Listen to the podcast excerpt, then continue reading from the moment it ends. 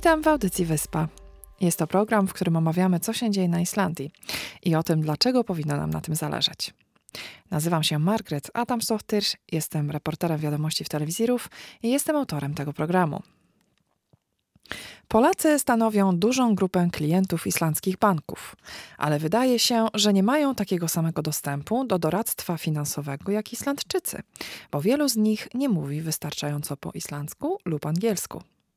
Największy bank w kraju, Landsbanken, zdecydował się więc podjąć kroki, aby polepszyć sytuację swoich klientów, organizując spotkanie po polsku i w ten sposób rozpocząć ich edukację finansową. Od razu po ogłoszeniu spotkania pojawiły się pytania o kolejne w innych częściach kraju albo o ich transmisję na żywo. Wczoraj w porannej audycji radia Rausch 2 pojawili się Runar Palmason, specjalista do spraw informacji w Landsbankin, a także Klaudia Karina Stefańska, która pracuje przy obsłudze klienta w banku w Graverholt. Korzystając z okazji, poprosiłam Klaudię o przybliżenie tematów bankowych również słuchaczom wyspy. Klaudia mieszka na Islandii od 2007 roku. Przyjechała tu z rodzicami i z bratem, gdy miała 14 lat. Od 8 lat pracuje w Landsbanken i bardzo lubi swoją pracę.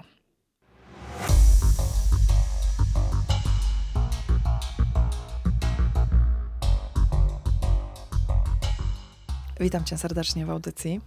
Dzień dobry. Bank, w którym pracujesz, zdecydował się zorganizować spotkanie dla polskojęzycznych klientów. Dlaczego? Ogólnie bank prowadzi takie zebrania dla studentów y, większych grup i pomyśleli o właśnie Polakach jako największej grupie obcokrajowców na wyspie. Jak długo pracujesz w banku? Osiem lat już będzie, od 2015. I czy spotykasz dużo y, klientów w swojej pracy, którzy mówią po polsku? Y, tak, codziennie przychodzi mnóstwo Polaków każdego dnia. Mhm. Praktycznie. Także Twoja znajomość języka przydaje się w tej pracy. To był jeden z głównych powodów też, dlaczego zostałam zatrudniona. Mhm. Czy to jest pierwsze takie spotkanie dla Polaków, czy już wcześniej były? Niestety, tak, pierwsze oficjalne takie spotkanie, troszeczkę amatorskie, właśnie przez tą sprawę z Grindawikiem mieliśmy dużo opóźnienia i, i po prostu dużo chaosu e, w tej sprawie było. Tym, że nie do końca wiemy, co Polacy by chcieli wiedzieć, w czym możemy im pomóc. Po to też jest to spotkanie. My będziemy mówić o oszczędzaniu, o kredytach na mieszkanie, e, funduszach emerytalnych, głównych i dodatkowych. To ma być spotkanie bardziej kameralne. I będziemy chcieli się właśnie dowiedzieć od ludzi, e, co by chcieli wiedzieć, żebyśmy byli gotowi na następne takie spotkania. Bo jeśli będzie zapotrzebowanie, to postaramy się e, zrobić to jak najlepiej. Czy mm, będą mogli uczestnicy zadawać pytania? Tak, oczywiście. Jeżeli przychodzi osoba do banku i jest ona polskojęzyczna, czy ona jest automatycznie wysyłana do ciebie? Nie, nie. W moim oddziale tak nie jest. Osoba zawsze idzie do pierwszego, lepszego e, pracownika, który go zawoła i jeśli ma trudności z językiem, to wtedy jestem albo proszona o przyjęcie klienta lub o pomoc. Bardzo często ludzie też wiedzą o tym, że ja pracuję w tym konkretnym oddziale. Jestem też gdzieś tam polecana, wiadomo przez znajomych, jak to, jak to idzie. E, I przychodzą konkretnie do mnie lub pytają o mnie. Jak się z tym czujesz? Na pewno jest mi miło. Y, zwłaszcza jeśli ktoś powie, że ja z polecenia, ktoś mówi, że, że właśnie pani jest mi w stanie pomóc, no to wtedy naprawdę jest mi bardzo miło, zwłaszcza jeśli, jeśli y, właśnie ta moja praca gdzieś tam komuś ułatwia życie. Czyli mówisz, że ta cała sytuacja z Grindawikiem wywołała chaos. W jakim sensie? Było bardzo dużo najróżniejszych pytań. Jak to wyglądało? Y, to znaczy, bank przede wszystkim jak najszybciej chciał rozwiązać tą sytuację, odpowiedzieć klientom, co są w stanie dla nich zrobić i, i moim zdaniem bardzo dobrze im to wyszło. Jakie są możliwości mieszkańców Grindawiku, jeżeli chodzi o zamrożenie kredytów? Y, na dzień dzisiejszy to zamrożenie kredytu na 6 miesięcy bardzo szybkim jednym podpisem w aplikacji i e, dodatkowo 3 miesiące rat e, są bez opłat, czyli bez oprocentowania, bez inflacji. No i te pół roku, które się nie będzie płacić tego kredytu, zostanie przeniesione na kapitał kredytu na koniec kredytowania.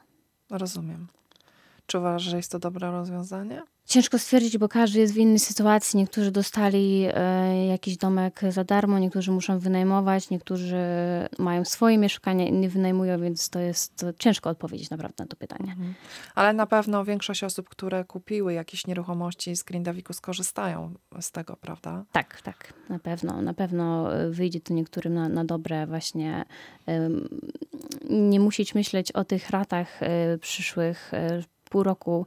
No, nie wiemy, kiedy to się rozwiąże. Miejmy nadzieję, że jest bliżej niż dalej, ale, ale zawsze jest y, pewność, że, że ta wypłata przyjdzie, bo też wiemy, że niektórzy pracodawcy zapewnili wypłatę przez jakieś tam kolejne miesiące. Tak samo właśnie bank zareagował w ten sposób, że, że ludzie nie muszą się martwić o te raty. Dobrze, a wróćmy tak jakby do początku y, całej tej sprawy. Taka osoba, która przyjeżdża do Islandii, rozpoczyna pracę, ona zakłada sobie konto. I co dalej? Czy ludzie, którzy nie mówią, y, powiedzmy, dobrze mm, po islandzku czy po angielsku, jak idzie im ze zrozumieniem tego, jak funkcjonuje bank w Islandii, jak funkcjonuje obsługa kont i tak dalej?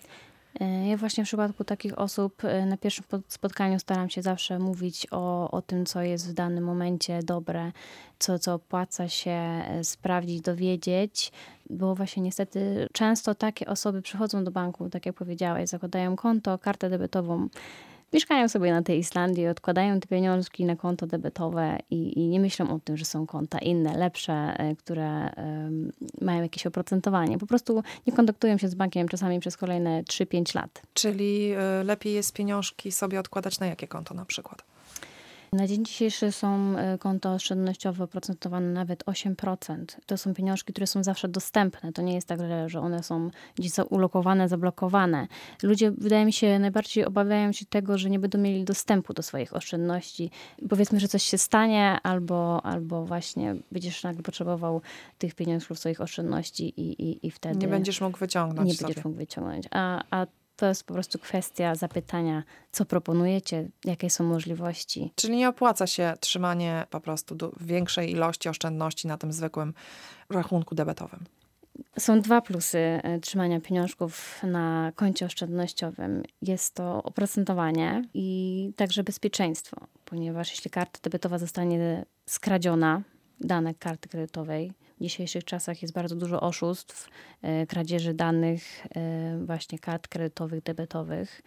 I wtedy hakerzy mają to możliwość wyciągnięcia większej gotówki z karty debetowej, a z konta oszczędnościowego nie ma takiej opcji. Jeżeli chodzi o dodatkowe fundusze emerytalne, jestem pewna, bo tak naprawdę nigdy nie, nie mieszkałam w Polsce jako pracująca osoba, czy w Polsce ten system wygląda tak samo, czy nie. Tutaj w każdym razie e, na Islandii każda osoba, która pracuje, może zapewnić sobie dodatkowy fundusz emerytalny. Co to znaczy? Tak jak mówisz, w Polsce coś takiego jest. E, często pytam właśnie o klientów, czy, czy kojarzą, co to jest, znają coś takiego. Mówią, że tak, tak, coś takiego było kiedyś, trzeci filar to się nazywało. Na Islandii to są właśnie dodatkowy fundusz emerytalny, znany wszystkim. Każdy praktycznie na Islandii to ma, więc to już mówi samo za siebie, e, że, że to jest dobrze mieć taki fundusz. Na dzień dzisiejszy działa to tak, że 2 lub 4% jest pobierane z wypłaty i pracodawca daje kolejne 2%. To się odkłada na takie konkretne konto, które można sobie tam obserwować w banku internetowym. Dobrym benefitem z tego tytułu jest to, że można użyć tych pieniążków na wkład własny do kupna pierwszego mieszkania i nie płacić od tego podatku. Czy pracodawca może odmówić założenia takiego dodatkowego funduszu emerytalnego swojemu pracownikowi? E, według prawa nie może odmówić e, tych dodatkowych 2%. Każdy na Islandii, kto skończył 16 lat i jest na rynku pracy, ma do tego prawo. Z tym, że zdarzają się wypadki bardzo rzadko, bardzo rzadko, e, gdzie ten pracodawca rzeczywiście nie chce płacić, płaci później. Mm, no ale to już jest sprawa do związków. Przejdźmy do sprawy trochę większego kalibru, czyli kredyty mieszkaniowe. Co trzeba wiedzieć i co trzeba zrobić, jakie kroki podjąć, żeby taki kredyt uzyskać? Przede wszystkim e, wkład własny. E, na dzień dzisiejszy jest to około 15% dla osób, które, tak jak mówisz, nigdy nie miały mieszkania. Czyli to jest 15% wartości ceny tego mieszkania. Dokładnie tak. E, zdolność kredytowa należy taką zrobić przed kupnem mieszkania. Wtedy my mamy dostęp do wszystkich danych o konkretnej osobie, ocenę kredytową, którym składa się bardzo wiele aspektów, e, jak status cywilny, e, wiek, długość pobytu na Islandii, dochody i tak dalej, i tak dalej. Po prostu nawet, nawet nie wiem tak naprawdę, jaka ta lista jest długa. Credit Info, może kojarzycie taką nazwę. To właśnie oni przetwarzają takie te wszystkie dane. Trzeba właśnie mieć tą zdolność kredytową, czyli dochody, odjąć koszty utrzymania. Tam jakieś właśnie są takie standardy, które y, będziemy dzisiaj omawiać na tym spotkaniu. I te wymogi trzeba spełniać, żeby być y, w stanie zaciągnąć taką pożyczkę. Tak, tak. Dużo osób pyta, czy, czy jest jakiś minimalny czas, który trzeba przebywać na Islandii, żeby taki kredyt uzyskać. E, nie jest to jakiś taki konkretny wymóg, ponieważ jest to kredyt z zabezpieczeniem pod mieszkanie. Więc to, to już nie jest kredyt krótkoterminowy, który ktoś spłaci lub nie spłaci. Czyli jeżeli taka osoba przestanie spłacać kredyt, to po prostu bank przejmuje hipotekę nad, nad tą nieruchomością. Dokładnie tak. Przypuszczam, że większość ludzi zdaje sobie z tego sprawę po prostu. Że jeżeli przestaną płacić, to po prostu mhm. stracą mieszkanie. Dokładnie tak. I jak długo trzeba czekać na, na taką ocenę kredytową? Na dzień dzisiejszy wszystko jest e, załatwiane za pomocą elektronicznego ID. Daje to dużą wygodę, ponieważ mamy wszystkie informacje praktycznie tu i teraz. Czyli co? W tydzień możemy sobie załatwić kredyt? E, nawet e, jeden, dwa dni. No, jeśli, wow. nie, jeśli nie będzie właśnie żadnych schodów, jak to mówię, no to odpowiedź czasami mamy już następnego dnia. Świetnie. A jeżeli chodzi o założenie takiego elektronicznego ID, to można też to zrobić w banku? Tak. Y, ogólnie elektroniczne ID ma firma 8Kenny.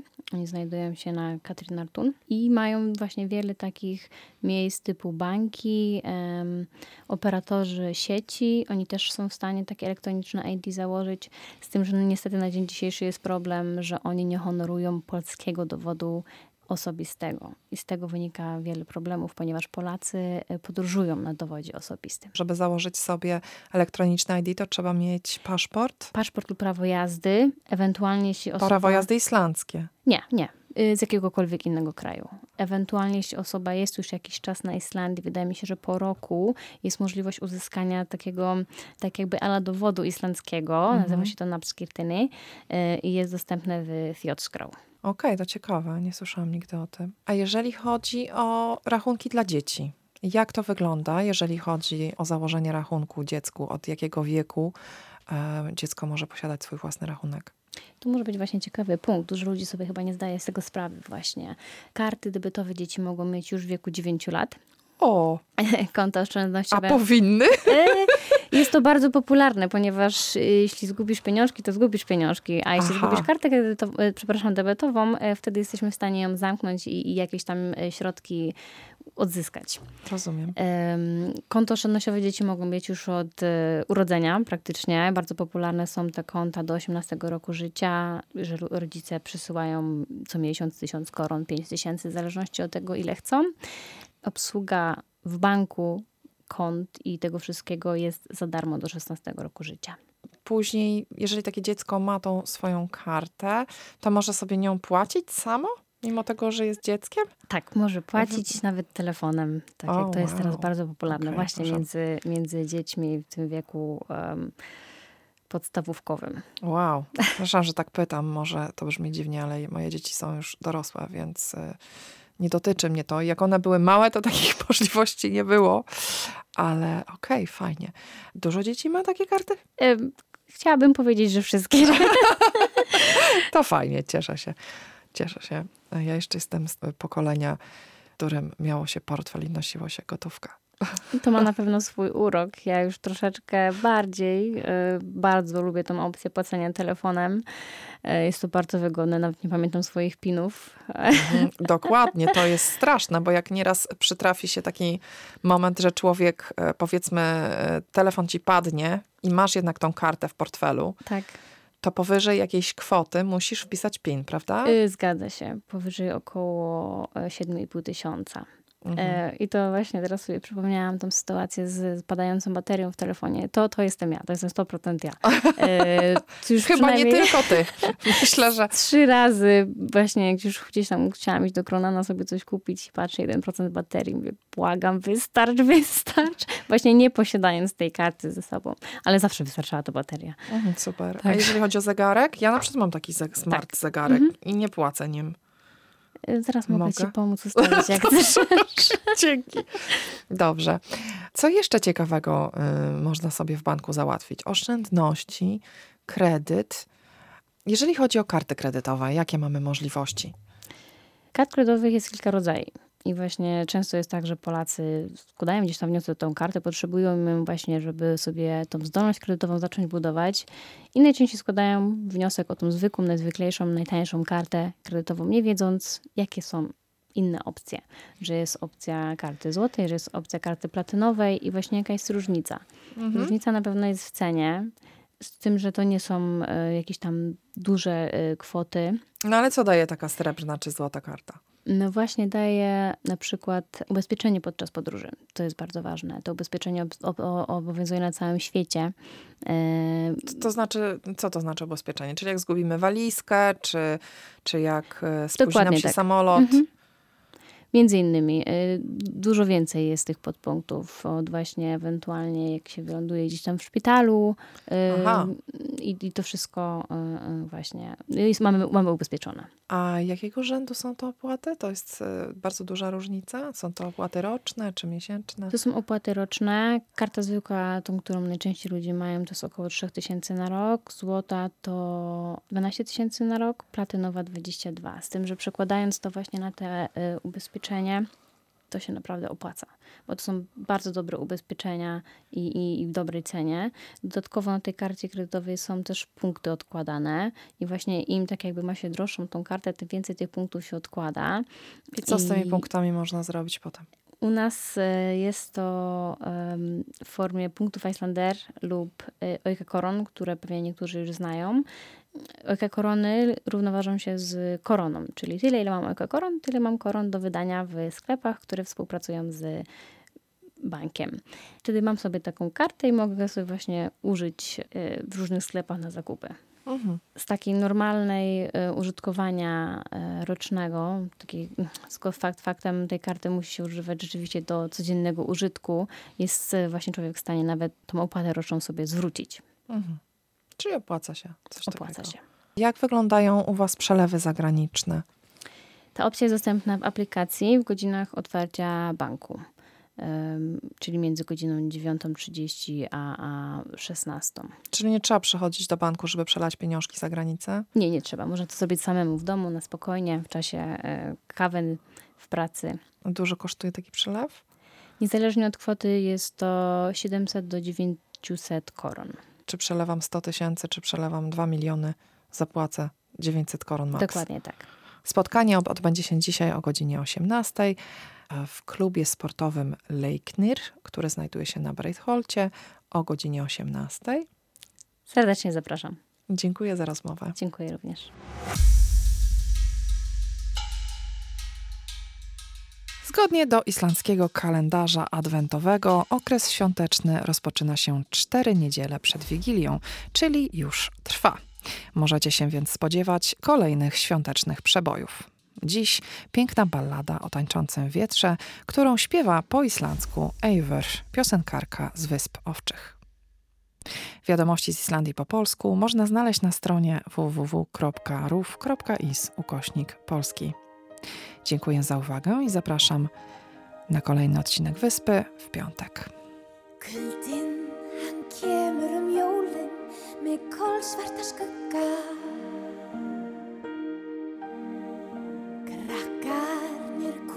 Í skjóli hjá kerti í glugga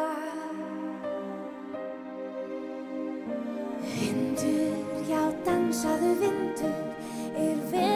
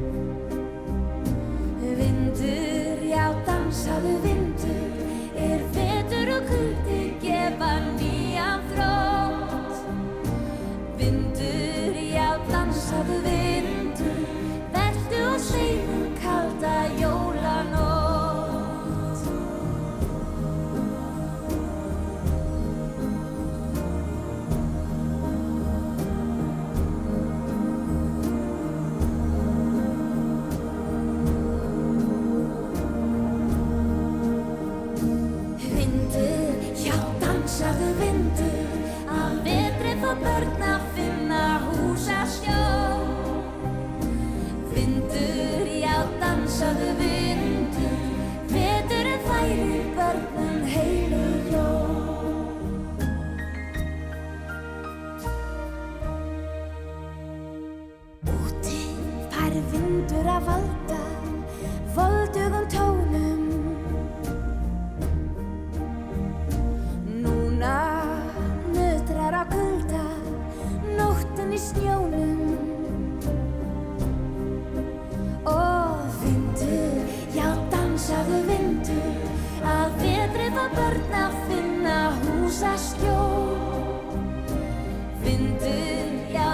blessaðu vindur veturinn færi börnum heilu jól.